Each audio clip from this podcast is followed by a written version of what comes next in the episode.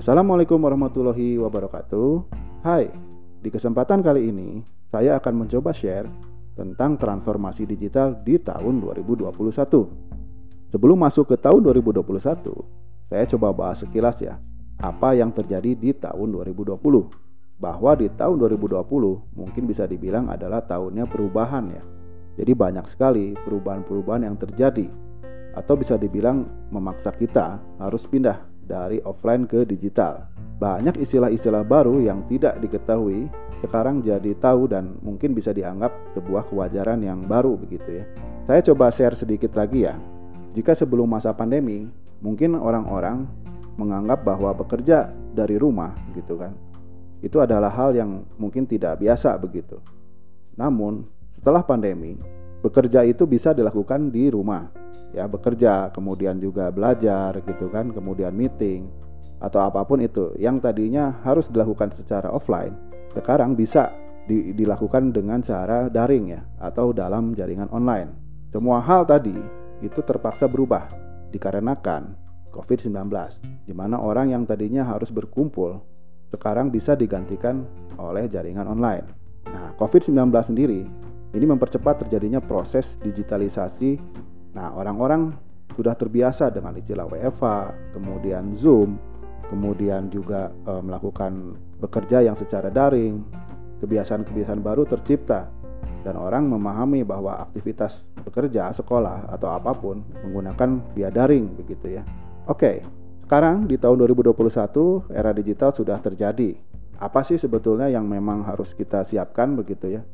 Atau sebetulnya ini hanya opini aja dari saya. Jadi kalau menurut saya itu ada empat poin ya mungkin yang perlu kita perhatikan. Yang pertama adalah mindset. Banyak orang yang berfokus pada teknologinya. Padahal yang paling penting adalah people atau manusianya. Bagaimana manusianya bisa mengendalikan digital ini? Baik dari segi cara pandang, leadership, kemudian menggunakannya hingga bertransformasi. Jadi fokus on people, not technology. Oke, yang kedua adalah masalah culture ya atau budaya. Bagaimana mengubah kebiasaan-kebiasaan lama menjadi kebiasaan baru? Ya, baik kita berinteraksi secara tim gitu kan, kemudian bagaimana kita berinteraksi dengan pelanggan, mendesain. Yang paling penting adalah berinovasi di era digital ini. Nah, lalu juga ada strategi ya. Ini tentunya diperlukan strategi yang baru gitu kan dalam menghadapi era digital ini bagaimana kita mengenal tren yang saat ini, baik yang sedang terjadi atau yang akan datang. Jadi kita harus benar-benar memahami ya strategi-strategi ke depan begitu. Kemudian juga kita harus selalu mengetes ya. Jadi sekarang tuh eranya era searching. Baik ngetes secara tim gitu kan, secara produk gitu kan, secara proses. Ya, jadi harus belajar cepat gitu atas terjadinya perubahan. Lalu juga ada hal yang mungkin perlu diinvestasikan di era digital ini ya. Khususnya bagi perusahaan mungkin yang akan beradaptasi. Bagaimana sih adaptasi?